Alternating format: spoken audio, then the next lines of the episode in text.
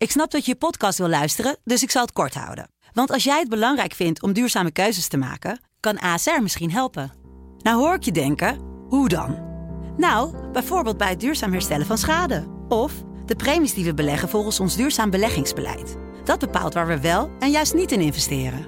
Wil je meer weten over welke duurzame keuzes ASR maakt? Ga dan naar asr.nl slash duurzame keuzes. ASR doet het. Zo, dan kan je nu lekker naar je podcast luisteren. Dit is Kwestie van Centen, een podcast van de Financiële Telegraaf. Met Martin Visser en Herman Stam. Ja, hartelijk uh, welkom allemaal. Martin natuurlijk ook. Uh, Ja, welkom, daar zijn we weer voor de podcast. We wilden eigenlijk eerst het over de vergrijzing gaan hebben. Ik uh, ga hem gewoon aankondigen als een onderwerp wat zeker een keer gaat gebeuren. Uh, je nam het me bijna kwalijk, want we hadden er heel wat voorbereidingen al in zitten. Maar toen dachten we... Tijdloos ja, onderwerp, hè? Dus, uh, ja. ja, en je bent bezig. Je hebt een interview gehad met de FNV over de loonstroken onder Ja. andere. En die staan natuurlijk ook uh, bij, of die liggen bijna op onze deurmat. Dat klinkt een beetje ouderwets, zo werkt dat al lang niet meer. Die krijgen we per mail, maar uh, heel snel. En daar is ook behoorlijk veel over te zeggen. Want mensen zitten natuurlijk vol verwachting te kijken van... Komt die beloofde plus nu? Ja, ja. Dus gaan we dat daar de, de, de podcast over vergrijzing beloof ik zeker. Alleen uh, volgende week ben je in Davos in uh, Zwitserland. Ja. we- Economic Forum. Gaan we een live verbinding zelfs doen en daar met jou inbellen. Wat volgens Ja. mij ook heel uh, leuk kan worden. En nu dan uh, die loonstrook. Een beetje lange intro. Maar uh, daar komen ze. Wat gaan we zien? Ben je zelf ook al in spanning van wat Ja, ga ik te zien volgende week? nee, jij, jij bent ook een beetje van de lijn van nou we weten eigenlijk al best veel. ja, daarover qua loonstroken zullen er niet zoveel verrassingen zijn. Behalve dat iedereen natuurlijk voor zichzelf wel zien hoe het voor hem persoonlijk uitpakt. Ik bedoel, ja, vanuit nou, vanuit uh, journalistiek zijn we natuurlijk geïnteresseerd in, in, uh, in het globale plaatje. Maar als het om je eigen portemonnee gaat, wil je natuurlijk wel weten hoe jij, hoe jij landt. Mhm. Maar ik ben ook in die zin matig geïnteresseerd. Omdat bedoel, het is eindelijk een plus. Dat is het, een beetje het gemiddelde beeld.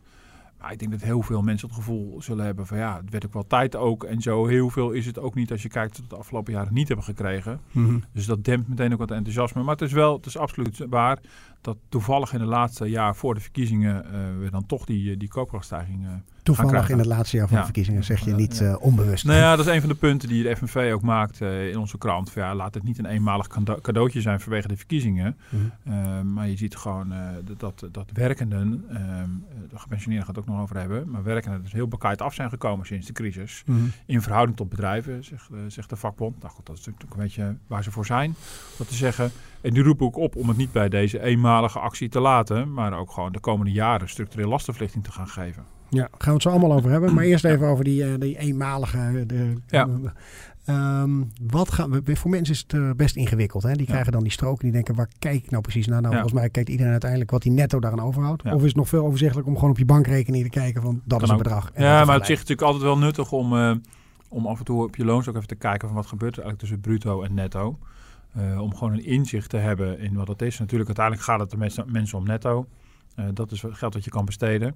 Om toch even weten wat, wat daartussen gebeurt. En fiscaal gaat er wel het een en ander gebeuren. Wat, wat als het goed is voor heel veel mensen gunstig uitpakt dit jaar.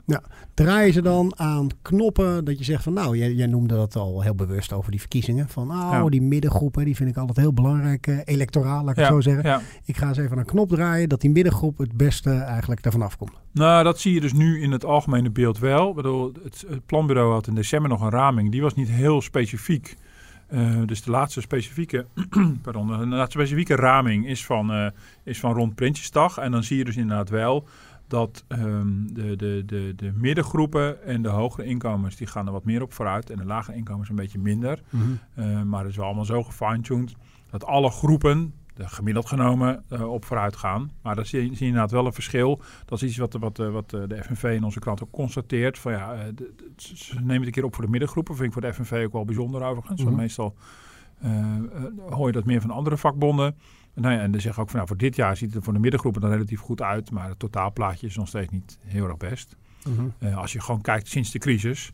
Uh, nee, maar voor komend jaar, voor, voor dit uh, lopende, voor het huidige jaar, voor dit jaar zie je dus dat, het even bijpakken, maar uh, gemiddeld genomen gaan werkenden 2,4% op vooruit volgens de plaatjes. Dat is allemaal een, een prognose, dat, is allemaal, dat zijn allemaal doorsneecijfers. Dat, dat is niet voor elk individu, maar doorsnee 2,4% voor werkenden. Um, en dan zie je dus inderdaad dat, uh, ja, de middengroepen die, eh, die, die zitten allemaal rond, da- rond dat percentage. En de lagere inkomen zitten op 1,4, 1,8. Ja. Ehm, ehm, het is niet zo dat er enorme uitschieters zijn naar, naar 2,5 of 3. Dus het is de redelijk... Ja, de, de, de, de, de, de, de middeninkomens en hoge inkomens zitten allemaal zo rond die 2,2, 2,3, 2,4 procent. Dus ja, Ja. dat ontloopt elkaar niet veel. En dat met een hele erg eh, natte vinger, maar dat betekent op zo'n middeninkomen salaris iets van twee, drie tientjes eh, netto dus- wat je zo, zo Ja, dus uiteindelijk is dat natuurlijk tientjes werk. Mhm. En dan eh, wat, wat je natuurlijk dan... eh, kijk, vorig jaar, wat er vorig jaar natuurlijk gebeurde... Ik wou zeggen misging, maar het kabinet wist dat van tevoren. Maar wat er vorig jaar gebeurde... is dat dat geld ook, totaal opging aan de btw-verhoging bijvoorbeeld. We hebben een hele hoge inflatie gehad het afgelopen jaar. Aan de stijging van de energiebelasting. Nou, eh, de- btw wordt dit jaar niet, niet verder verhoogd. Eh, de energierekening wordt enigszins gecompenseerd. Omdat het kabinet ook geschrokken is van zijn eigen eh, miskleun Ja. daar. Wat je nu wat je al wel kan zien meteen deze maand. Ja, wat je, Ja, wat je ja. wel kan zien. Als het goed is heeft iedereen ook al het horen gekregen van zijn energieleverancier wat de nota gaat worden. En nou, dat is beter dan vorig jaar. Vorig Mhm. jaar zagen we dat ook aankomen. En daarom kon de Telegraaf ook vrij vroeg berichten over wat er aan zat te komen qua energierekening. Maar wat je natuurlijk bijvoorbeeld wel houdt, is dat er gewoon allerlei lokale lasten stijgen. Dus, dus ja, ook tientjes per maand kunnen heel makkelijk natuurlijk ook gewoon weer verdampen. Ja. Al naar gelang in welke gemeente je woont. Ja, we hebben weer Of- het verhaal gezien hè, deze week over de afvalstoffenheffingen. Ja. Die, eh, nou, zulke soort dingen bijvoorbeeld. stijgen. Dat kan de OZB zijn. Dat hangt echt een beetje vanaf in welke gemeente en eh, aan welke knop ze daar dan weer draaien. Eh, dus dat kunnen manieren zijn. Dus dan komt het niet helemaal bij het kabinet vandaan misschien. Maar dan kan het op andere manieren. Ja, uiteindelijk moet het wel worden betaald. Zo simpel is het. Eh, dus in die zin kan ik me ook voorstellen dat mensen zeggen van... nou, het is mooi, maar het houdt ook niet over. Ja. Nog even over die eh, strook, hè, want ik weet dat mensen Ja. dat heel, heel erg geïnteresseerd zijn. Wanneer, ehm, eh, vertel even iets meer over die schijven, want Ja. in mijn geheugen staan, er zijn er nu vier schijven, maar er zijn er werkelijk drie. Ja. En dan gaan we naar twee. Ja, klopt. Ja, ja dat wordt een beetje... Dat wordt door de, het kabinet werd het een beetje verkocht... als een soort eerste stap voor een belastingherziening. Nou, dat is het... Nou goed, dat is het eigenlijk feitelijk niet. Bedoel, maar de- de- door het officieel teruggaan van vier schijven naar twee schijven lijkt dat heel wat. Eh, maar wat ze gewoon eh, doen is dat eh, je, die schijven, je hebt allerlei, elk deel van je inkomen wordt naar een ander percentage belast. La- de laagste inkomens die werden voor, wat is het, pak een beetje 36,65 procent eh, belast. Eh, en dan de volgende, eh, de- de- het volgende stuk van je inkomen voor 38,1. En dan het bovenste deel, het hoogste tarief was dan eh, Ja. 51,75, helemaal voor de volledigheid. Maar een soort nivellering ook door krijgen. Dat, eh, Precies, dat we hebben progressieve belastingen. Hebben- En wat aan een eerdere fase al is gedaan, is om het tarief van de tweede en derde schijf gelijk te koppelen. Dus daarmee hebben we de facto nog maar drie schijven. En nu gaan we terug naar twee schijven. Wat ze dan doen, is dan de tarieven van de eerste, tweede en derde schijven gelijk maken. Wat Mhm. betekent dat het tarief van de eerste schijf voor de laagste inkomens iets omhoog gaat. Een klein beetje omhoog. Dus Mhm. dat, is, dat is slecht voor de laagste inkomens. Die worden gecompenseerd via het verhogen van allerlei eh, belastingkortingen. Eh, arbeidskorting, eh, onder andere heffingskorting. Want ja, anders zou, de, zou de, de, de, de koopkracht van laagste inkomens echt negatief uitpakken. En, maar voor alle hogere inkomens, midden- en hoge inkomens, is het echt een substantiële verlaging. Want het tarief van de tweede derde schijf gaat omlaag. Mhm. En ook het tarief van de bovenste schijf gaat omlaag. Eh, en dat is op zijn minst eh, symbolisch. Dat, is, dat is ook, de facto is het wat, maar het is ook symbolisch. Want nu gaat het, de hoogste tarief eh, zit op 49,5 procent. En dat is bijvoorbeeld een uitdrukkelijke wens al heel lang van de VVD. Ik bedoel, dat heeft ook een, begrijp ik ook wel, het heeft een bepaalde uitstraling. Ja, dat je iets Dat je- minder dan de helft belasting Dat je niet, meer, niet meer dan de helft aan belasting hoeft te betalen. ja, Overigens betaal je natuurlijk over het, het, het, het eerste deel van je inkomen dat lagere tarief. En Mm. pas voor het bovenste deel, boven de 68.500, betaal je het hoge tarief. Maar op zich de gedachte dat je dus misschien over een deel van je inkomen meer dan 50% belasting moet betalen. Mhm. Ja, dat voelt, dat, dat, nou, zeker voor de VVD voelt dat onrechtvaardig. En ik begrijp dat ook wel. Dat, dat je Ja. ziet je van nou, het streven ernaar om dat onder de 50% te krijgen. Dat gaat dus nu gebeuren. Mhm. En dat is, ehm, een, een, een, dat is een substantiële wijziging. En dat kost het kabinet ook een paar miljard. Eh, Ja. En daar staan deze keer dan dus geen btw-verhoging of energiebelastingen tegenover. Dus, Mhm. dus dat pakt dit jaar beter uit dan vorig jaar. Nou, nou weet ik dat je geen eh, fiscalist bent. En ik wil eh, de kijkers ook niet laten afhaken door deze vraag. Maar ik ben gewoon even zelf geïnteresseerd in die heffingskortingen. Want dat vind ik Ja. vrij ingewikkeld klinken. Krijg je dan weer geld terug? Hoe, hoe werkt dat eigenlijk? Nou ja, ja, het werkt de facto als een soort belastingvrije voet, zou je kunnen zeggen. Dat je over het eerste bedrag, ik heb daar niet helemaal de bedragen allemaal van, eh, van eh, paraat. Ik zit nu heel snel even te googelen, maar er wordt ook te veel, veel getallen. Maar je hebt natuurlijk eh, dat je over het eerste deel van je inkomen nog geen belasting betaalt. Hmm. Een arbeidskorting is dan echt voor werkenden, is gerelateerd aan je, aan je of je al dan niet arbeid verricht. Mhm. En de algemene heffingskorting is natuurlijk veel breder. En dat zijn ook manieren natuurlijk om het laagste inkomens te ontzien. Want het gaat om echt om het eerste deel van je inkomen. Ja. Dus als je die korting verhoogt, dat betekent dat, het, dat een, iemand met een relatief laag inkomen over een nog groter deel van zijn inkomen geen belasting hoeft te betalen. Dat is ook de manier waarop je bijvoorbeeld gepensioneerden enigszins tegemoet kan komen. eh, eh, in dit geval omdat de gepensioneerden er niet zo goed uitziet. Doordat de pensioenen eh, stagneren al een tijdje. Dus zo, eh, zo, zo werkt het. Het is geen rondpompmachine. Dus dat Ja. zit allemaal in die ene En daar hoef je niks voor te doen eigenlijk qua Nee. aangifte. Dat gaat gewoon Nee, eigenlijk dat zie je als je op een gegeven moment belastingaangifte doet. Dan zie je dat gewoon, daar hoef je niks voor in te vullen. Dat gaat Mhm. allemaal vanzelf. Mhm. Eh, de, de Belastingdienst rekent dat in die toolstuk allemaal automatisch uit. En als je je loonstukje krijgt, is het bij het inhouden van de loonheffing is dat ook allemaal verdisconteerd. En het kan soms wel eens zijn dat als je een poosje niet gewerkt hebt in een jaar of als je een overstap hebt gemaakt, dan wil het nog wel eens voorkomen dat die, dat die, dat die kortingen ehm, eh, over het hele jaar gezien dan net niet helemaal goed berekend zijn. Dat kan nog wel eens tot een, eh, tot een teruggave leiden. Maar als je het hele jaar ergens in dienst bent, dan eh, wordt dat gewoon automatisch in je Hm. loonheffing meegerekend. En dan zie je eigenlijk alleen maar terug als je, als je aangifte doet. En dan kan je, dat is ook wel eens altijd wel, wel aardig, omdat dat tegenwoordig wordt en helemaal voor je ingevuld en al voor je uitgerekend. Nou, Mhm. dat laatste was altijd al zo, dat invullen is pas sinds een paar jaar.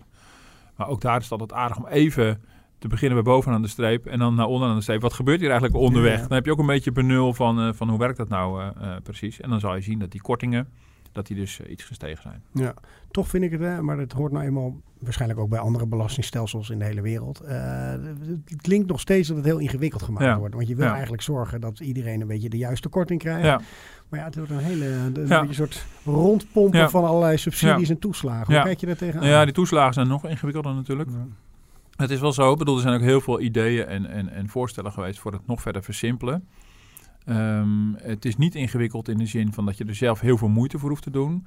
Het is wel al wat ingewikkeld om het goed te begrijpen. En het is ook wel ingewikkeld om zelf op voorhand in te schatten van hoe pakt iets nou voor mij uit. Het is, het is moeilijker.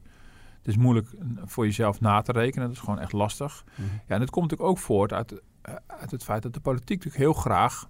De politiek heeft er belang bij, in die zin dat het wat ingewikkeld is. Want hoe meer knoppen je hebt om aan te draaien, hoe meer je koopkracht gaan fine, kan fine-tunen. Ja. Kijk, er zijn natuurlijk al heel lang ideeën over gewoon een uniform belastingtarief. Dat je gewoon één tarief hebt. eh, en dan haal je de hele progressiviteit haal je eruit. En dan zou je in ruil daarvoor bijvoorbeeld alle, aftrek, alle aftrekposten schrappen. Ehm, nou, dan is het super simpel. Nou, misschien kan je ook die kortingen schrappen, want sommige die kortingen zijn vaak ook weer inkomensafhankelijk. Dus de korting die je hebt, die neemt ook weer af naarmate je meer gaat verdienen. Eh, dus het kan soms heel gek uitpakken in jouw geval. Tenminste, dat voelt dan misschien heel gek, maar dat kan wel bed- bedoeld zijn door wetgever. Maar politici hebben natuurlijk belang bij die knoppen. Want anders kunnen ze die, die kapplaatjes natuurlijk niet rondkrijgen. En tegelijkertijd verlangen de je burgers... eigenlijk puur omdat ze een betere wereld willen? Of omdat ze precies kiezers willen hebben die daar gecharmeerd van Uiteindelijk zijn politici er altijd op uit eh, dat er een betere wereld komt. zijn? Mhm, Ja, goed. eh, op voorwaarde dat ze wel eerst zelf verkozen zijn, want anders gaat hun buurman die betere wereld Mhm. realiseren. Nee, dat is natuurlijk, natuurlijk, dat is, ja, dat is, ja, cynisch kan je zeggen dat is alleen om herverkozen te worden, maar natuurlijk is het ook omdat ze proberen de, de wensen van hun kiezers uit te voeren. En de wensen van de kiezers is ook weer dat, dat er voor iedereen een goede koopkrachtstijging in Mhm. zit. En dat is, wordt, is wel moeilijker fine te tunen als je nog heel weinig middelen hebt. En de overgang van een ingewikkeld stelsel naar een simpel stelsel is heel moeilijk. Dat zou je met de toeslagen ook gaan zien. Eh, want als je eenmaal in een systeem zit waarbij je met allerlei knoppen hebt gedraaid om allerlei inkomensgroepen gewoon een beetje in evenwicht te houden. eh, al naar gelang de kleur van het kabinet eh, doe je dat een beetje nivellerend tot een beetje denivelerend. Maar meestal is het best wel redelijk nivellerend, ook bij, bij wat rechtsere kabinetten. Eh, ja, als je dan een stap maakt naar iets veel simpelers, dan, dan raak je al die instrumenten in één keer kwijt. En dan, dan is de enige oplossing om iedereen grootschalig te gaan compenseren, eenmalig. Mhm. En dat kost heel veel geld. Ja. Eh, en dus het is politiek ingewikkeld, het kost heel veel geld. Dus daarom is het herzien van het belastingstelsel ook heel moeilijk. Toch doet eh, de FNV eh, nu ook zo'n oproep Ja. eigenlijk in het interview met jou. Ze Ja. zeggen van ja, eh, die toeslagen stop er maar eigenlijk maar mee. Ja. Maak één grote pot waar je, ik vat het even samen, je, je kan het vast beter, de kinderopvang bijvoorbeeld uit gaat betalen. Ja. ja, dat vond ik wel opmerkelijk. Want ze maken ook een punt van... kijk naar de verhouding tussen belastingdruk voor bedrijven en voor werkenden. Nou, dat is de vakbond zoals we die kennen. En dat is een politieke keuze. Van welk deel van belasting wil je neerleggen bij mensen die werken... en welk deel bij bedrijven. Mhm. En ze zeggen, eh, bedrijven zijn ontzien en werkenden niet. Nou goed, dat, dat kan bewust beleid zijn. Maar ze zeggen ook iets over de toeslagen. Eh, de redenering begint heel simpel bij...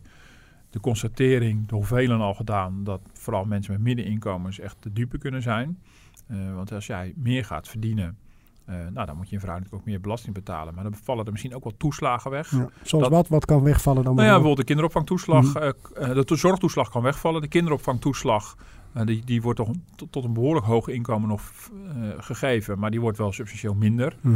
um, uh, dus je krijgt allemaal van zulke effecten. En dat heet dan de, de marginale druk. Hoeveel, hoeveel betaal ik extra belasting als 1 euro extra ga verdienen? En je ziet dus inderdaad vooral bij die middengroepen dat die marginale druk echt heel hoog is. En in extreme gevallen, er zijn wel plaatjes van, kan het zelfs voorkomen, een heel specifiek situatie, dat als je meer gaat verdienen, dat je netto minder overhoudt. Ja. En dat wil je in alle tijden voorkomen. Dat wil je voorkomen. dat, Is, dat, is, uh, bedoel, dat is geen stimulans voor mensen om meer te gaan verdienen. Nou scheelt het dat, mens, dat het zo ingewikkeld is dat mensen op voorhand uh, bijna dat niet kunnen mm. voorrekenen. Dus dat overkomt ze. Uh, dus ze kunnen, ze kunnen er heel slecht op anticiperen.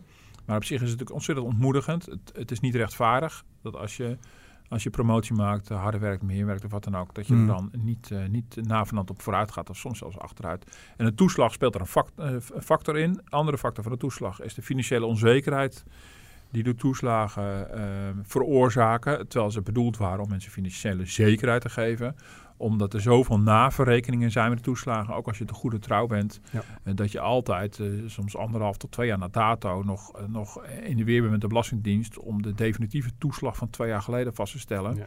En dat geeft heel veel Onder onzekerheid. Onder waar die hele soap vandaan kwam, waar uiteindelijk een staatssecretaris op gesneuveld is. Ja, daar is het uiteindelijk de gierend uit de hand gelopen. En naast, naast deze totale verkeerde aanpak van vermeende fraude...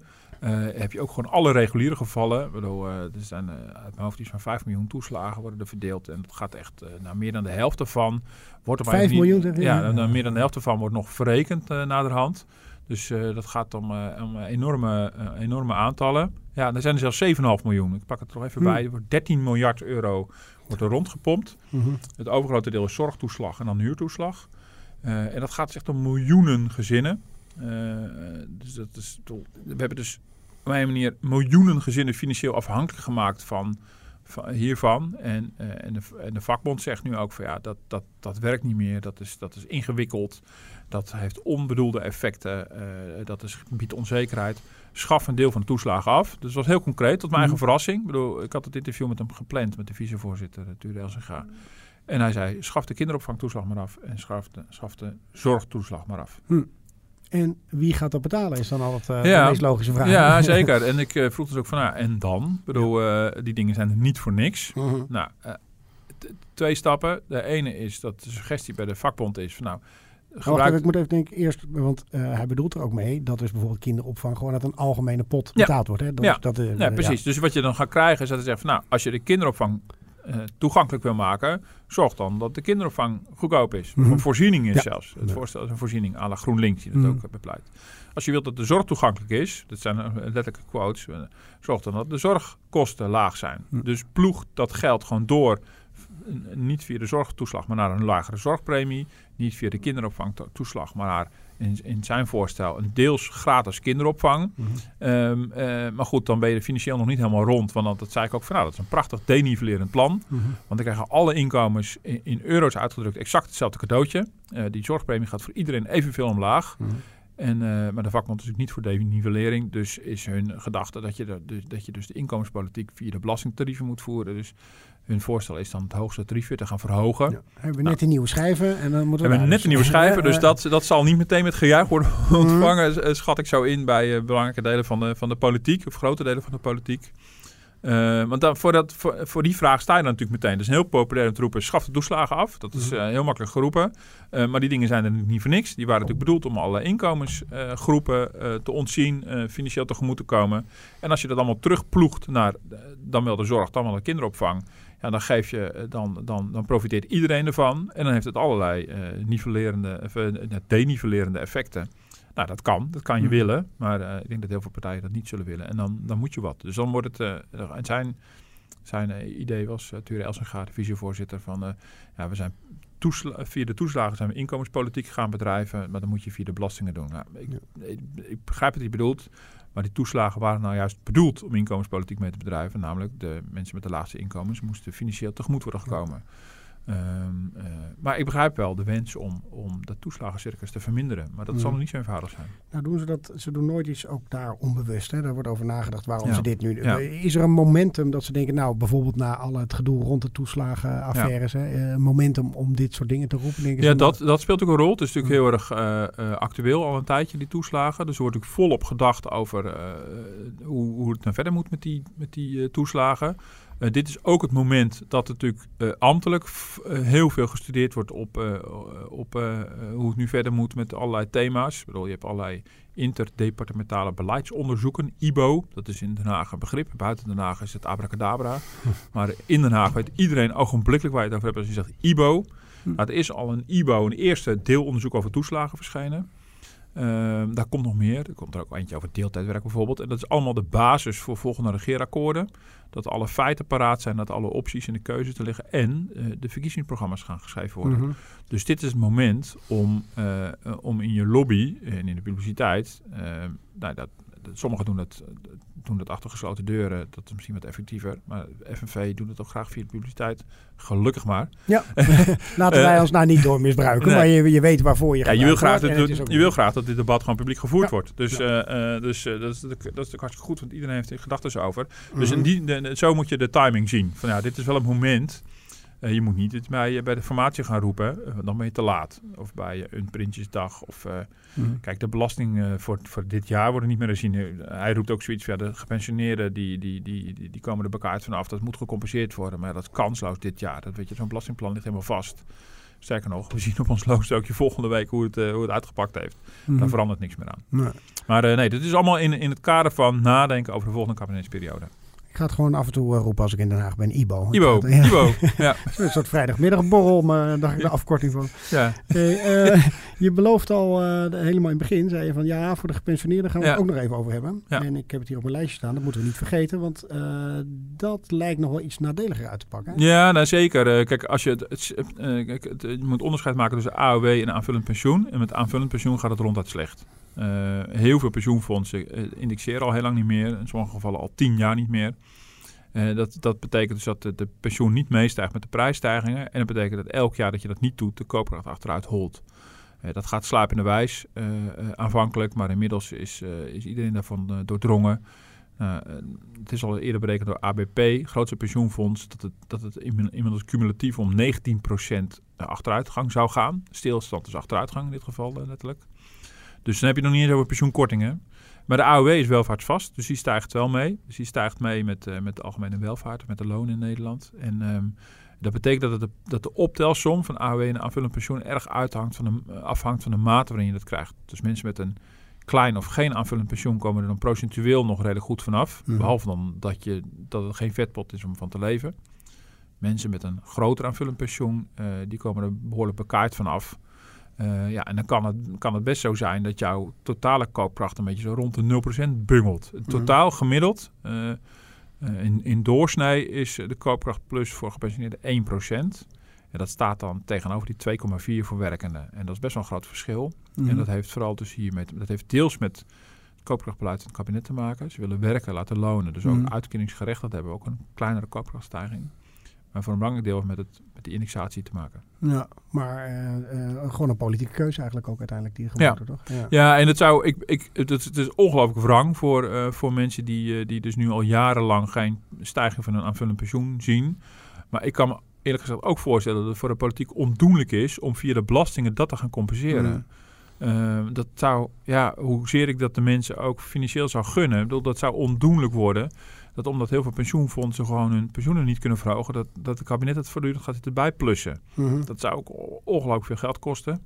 Eh, maar ja, dat, dat, dat geeft ook weer aan hoe, hoe, hoe penibel de situatie nu is. Niet voor niks dat diezelfde FNV ook al eh, bij ons eh, in de krant onlangs ervoor pleiten van... ja, A, we moeten heel snel dat pensioenakkoord uitwerken. En zodra dat...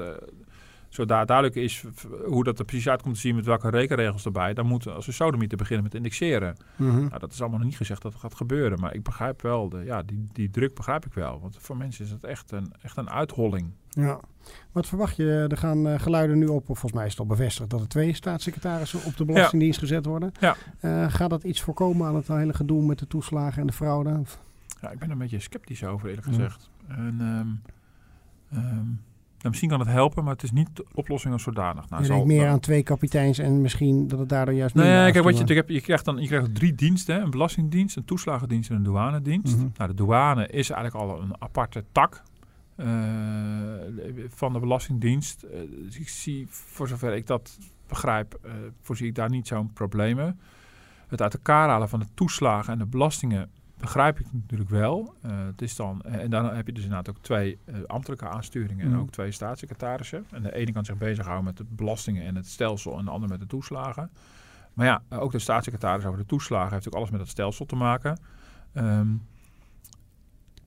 ja, waar ik een beetje mee zit, is dat ehm, we hebben, ja, wat ervoor pleit, is, dat misschien dat eerder zeggen, is dat er heel veel kritiek is op het, op het onderbrengen van de toeslagen bij de Belastingdienst. Eh, met als argument, het vereist echt iets anders. Het is Mhm. heel, iets heel anders om belastingen te innen dan om toeslagen uit te keren. Het is een beetje postvak uit, postvak in. Die, Ja. eh, ja. Ik zou zeggen van ja, je maakt van een, eh, een min een plus of andersom. Ja. Maar, eh, maar dat, werkt, dat schijnt dus niet zo te werken. En het, het risico wat je loopt is dat bij de- het innen van belasting, daar heb je een bepaalde een strengheid ook voor nodig. Dus daar hoort een bepaalde cultuur en mentaliteit bij.